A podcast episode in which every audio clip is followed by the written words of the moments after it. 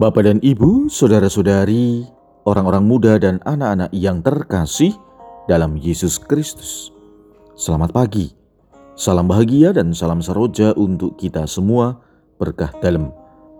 Bersama dengan saya, Romo Antonius Garbito Pambuaji, menyampaikan salam dan berkat Allah yang Maha Kuasa dalam nama Bapa dan Putra dan Roh Kudus. Amin. Hari ini Rabu 7 Juli dalam hari biasa pekan biasa ke-14. Bacaan pertama dalam liturgi hari ini diambil dari kitab Kejadian bab 41 ayat 55 sampai dengan 57, bab 42 ayat 5 sampai dengan 7a, dilanjutkan 17 sampai dengan 24a. Bacaan Injil diambil dari Injil Matius bab 10 ayat 1 sampai dengan 17. Pada suatu hari Yesus memanggil kedua belas muridnya dan memberi mereka kuasa untuk mengusir roh-roh jahat dan melenyapkan segala penyakit dan segala kelemahan. Inilah nama kedua belas rasul itu. Pertama Simon yang disebut Petrus dan Andreas saudaranya. Yakobus anak Zebedius dan Yohanes saudaranya. Filipus dan Bartolomius.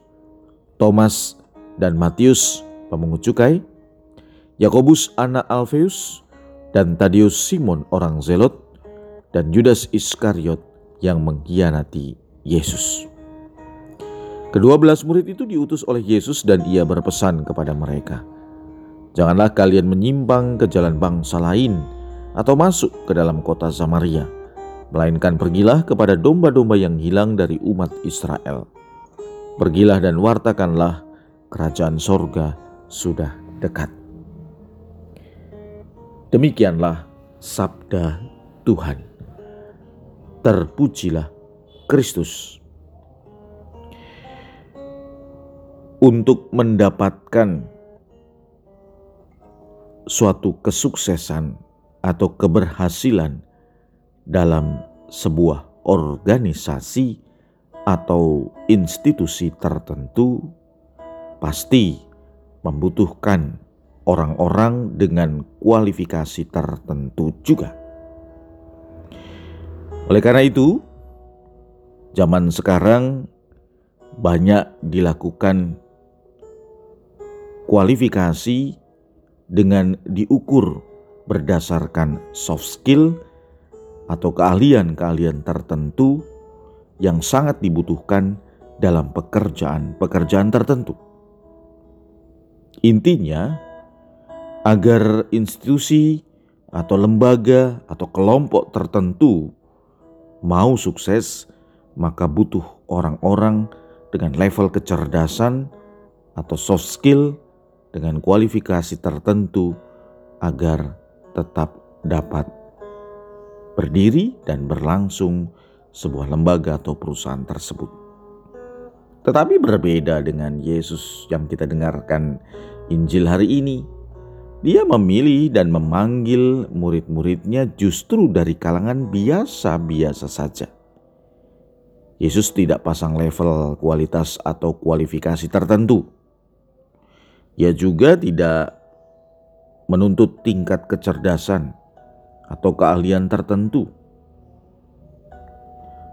Orang-orang yang dipilih Yesus adalah mereka yang sederhana mereka yang punya karakter berbeda-beda.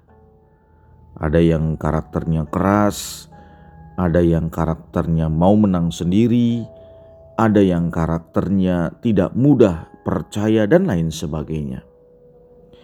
Ia memanggil orang berdasarkan apa yang dibutuhkan oleh Tuhan, bukan apa yang menjadi ukuran manusia.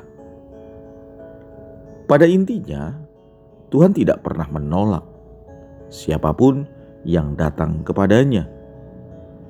Yang penting adalah Tuhan mau menerima orang yang datang kepadanya, dan orang itu mau dibentuk seturut dengan kehendak Dia. Tuhan tidak menuntut kualifikasi, semua orang bisa menjadi muridnya, Yang penting adalah memberikan jawaban "ya" dan siap untuk dibentuk. Marilah kita berdoa. Bapa yang penuh kasih, terima kasih Engkau memilih dan memanggil kami serta mengutus kami untuk melanjutkan karya-karyamu di dunia ini. Semoga kepercayaan ini dapat kami laksanakan sehari-hari dalam karya dan perutusan kami. Berkat Allah yang Maha Kuasa dalam nama Bapa dan Putra dan Roh Kudus. Amin.